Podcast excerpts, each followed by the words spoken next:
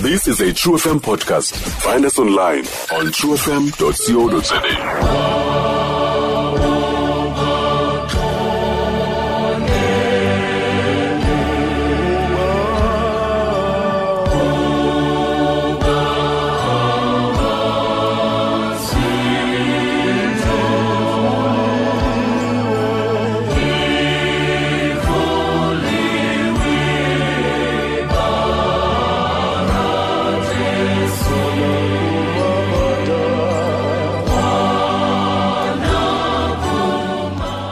kasibayibe nani bishop masimamkele xa ezawusenzela elokugqibela ilizwi. Sibolekwe ixesha bazalwane. Sinikezela kubishop wediocese yasegrahamstown apha ekids beach. Ninguye lo uselo malethe esithi we were foreigners. Inkosi mayibe nani inkosi nisikelele. Lizwi lokugqibela lesixhenxe. Tatam mandikwamkele. Sikwamkela kuhlalani kum kwi-true f m. Bishop. Sibane senyawo zethu ilizwi lakho nkosi. Likukukhanya emendweni wethu. Nkosi khawundingcwalise kaloku kuza ngcwaliseke amabandla. Thixo ngubawo thixo ngunyana thixo ngumoya wengcwele yingqinele lenyaniso. Amen. Ndithatha elithuba ndibulisa kumpostile kuwe mpostile kunye namabandla kathixo. Amen tata ngexesha esikhumbula ubukrestu bethu nentsusa yabo. Sekwelizwi lesixhenxe phaya kuluka umbhalo wevangeli isahluko ngamashumi amabini anesithathu isahlukwana ngamashumi ane anesithandathu sifumana la mazwi. Uyesu wadanduluka ngelizwi elikhulu wathi bawo ezandleni zakho ndinikela umoya wam bekuthethileke oku waphuma umphefumlo. Lonke ke ilizwi alithethileyo uyesu kristu emnqamlezweni libalulekile kumkristu okholwayo kwaye lililizwi lale nto kuthiwa ngesilungu yi-last will. Elo lizwi ke lokugqibela libalulekile nakwiintsapho ngeentsapho kumntu wabo ohambayo emka emhlabeni. Phaya ke emnqamlezweni umnqamlezo lo phantsi kobukumkani bamaroma yeyona ndlela ebuhlungu nekhohlakeleyo neyayithatha ixesha elide ukuzisa eyona ntlungu ingapha kokuqonda ukwenza okokuba abantu boyike ukutoyitoyela ukubhukuka bukumkani bamaroma. Izibotshwa ezazixhonywe emnqamlezweni bezixhonywa apho zishiywe iintsuku kodwa ngosuku olungaphambi kwesabata bebekhawuleza babaphule imilenze ukwenzela igazeli livuze ngokukhawuleza bafe bothulweke emnqamlezweni ngesabata kodwa bakufika kuyesu wayeselefile. Le nto ke ngoku ithetha ntoni kuthi ndicinga ke ukusuka phaya kwintshayelelo ebeyenza ubhishophu umbethe yendlela yomqamlezo via dolorosa uyesu apha emqamlezweni ukwintlungu engathethekiyo kalo wabethwa waza ke ngoku watyakatywa ngupontius pilate imivumbo engamashumi amathathu anethoba waphinda wenziwa okokuba awuthwale ngokwakhe umnqamlezi wakhe ukuya entabeni yasegolgotha. Izandla zakhe zinezikhonkwane iinyawo zinezikhonkwane inkosi ke ngoku imane inyusa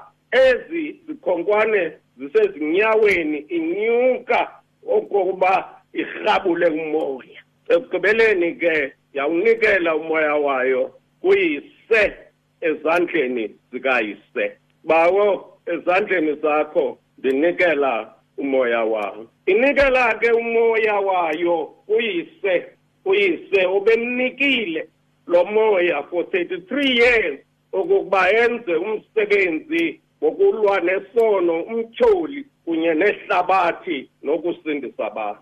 Itempile ke ikhuselo layo njengoko sesivile elalingqingqwa ukwenziwa ekubonakala okokuba kuthe ngenyiki imali lakrazuka eli khuselo laza lakrazuka labheka ezantsi kwaba ke njalo ingcwele yengcwele ebingenwa ngumbingelelo omkhulu yedwa kanye ngonyaka enikela idini egameni labantu bonke ivulekile ingcwele ngcwele ukuze wonke okholwayo abe nako ukungena. Eli lizwi ke lilizwi lokugqibela lithwele izinto ezintathu. Eyokuqala into ukuhlangana kukaKristu kunye noThixo. Oku kuhlangana ke besesivile okokuba kwaphazamiseka ngeliya xesha lobumnyama kwilizwi lesine.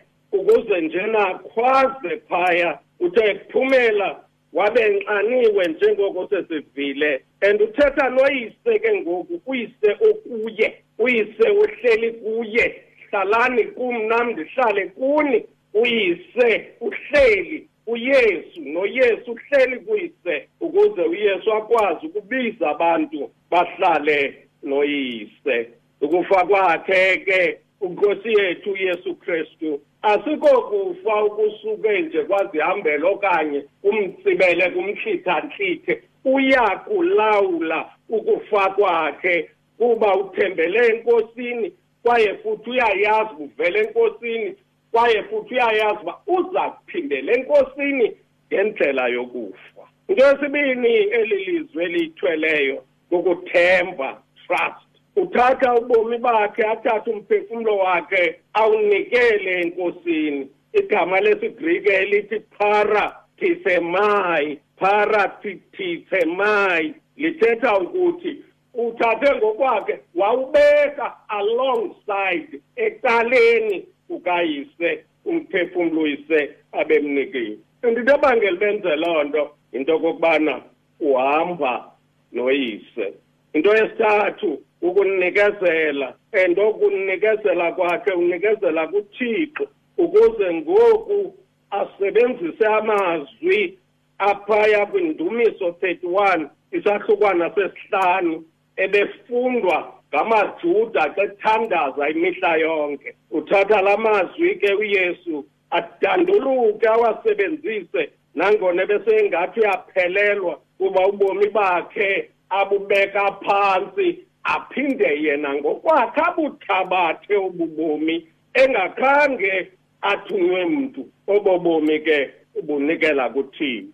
Yabonani ke baphulaphuli be-true f m? Xana umntu emamkela uyesu njengenkosi nomsindisi uhamba naye imihla yonke kwaye futhi ubomi bakhe bukuthixo naye ukuthixo yiyo le nto athi umpostoli upawulos nokuba sithi sidla ubomi nokuba sithi sife siyazazi thina uba singabe inkosi romans 14 verse 7 and 8 aphinde athi yibani kumoya nihambe ngokomoya kuba ngoku anisekho enyameni ukuba okunene kumi. Umoya kakrestu ngaphakathi kwenu. Makrestu lixesha ke lokuvuka ebuthongweni xa sizikhumbula iintlungu zikakrestu sibanjwe yi-coronavirus engubhubhane elizweni lonke okokuba masibuyele ngenene nangenyaniso kuthixo. Sithobele umthetho wakhe wothando ubomi bethu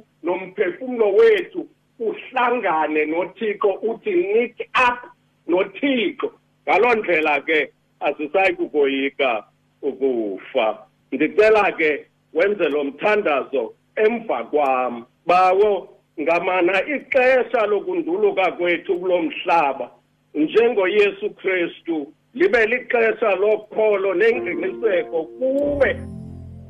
Okokuba uza kusithabatha. Siyakuthanda nawe uyasithanda ngamana umoya kakristu wahlala ngaphakathi ebomini bethu. Siyakubulela thixo kuba ulusindiso lwethu ulithemba lethu lokusinika ubomi obungulaphakade nangexesha lesifo esibhubhisayo uza kusivelela. Basikelele ke nkosi bonke abathe bathetha apha. Bazivakalisa iindaba zakho ezilungileyo. Amandla omxamlezo noloyiso lwawo. Akanako ukusifinqelela sivalele ebufeni ngoba thina sikholwayo sihlele kuwe. Nawe hlala nathi ngokristu inkosi nomsindisi wethu. Amen. Ngamana uxoxolo wanisikelela wanilondoloza wanigcina. Ngale pasika nangeli xesha nina nabantwana benu nehlabathi lonke. Amen. Amen tata. Ndiyabulela bishop uba wakusikelele Nkosi tatam. Masibulele kuyo bishop nophece xa sifikela kweli thuba seyivala le nkonzo. Stream True FM online on truefm.co.za. sikho yonke indawo ngalo lonke ixesha like no one else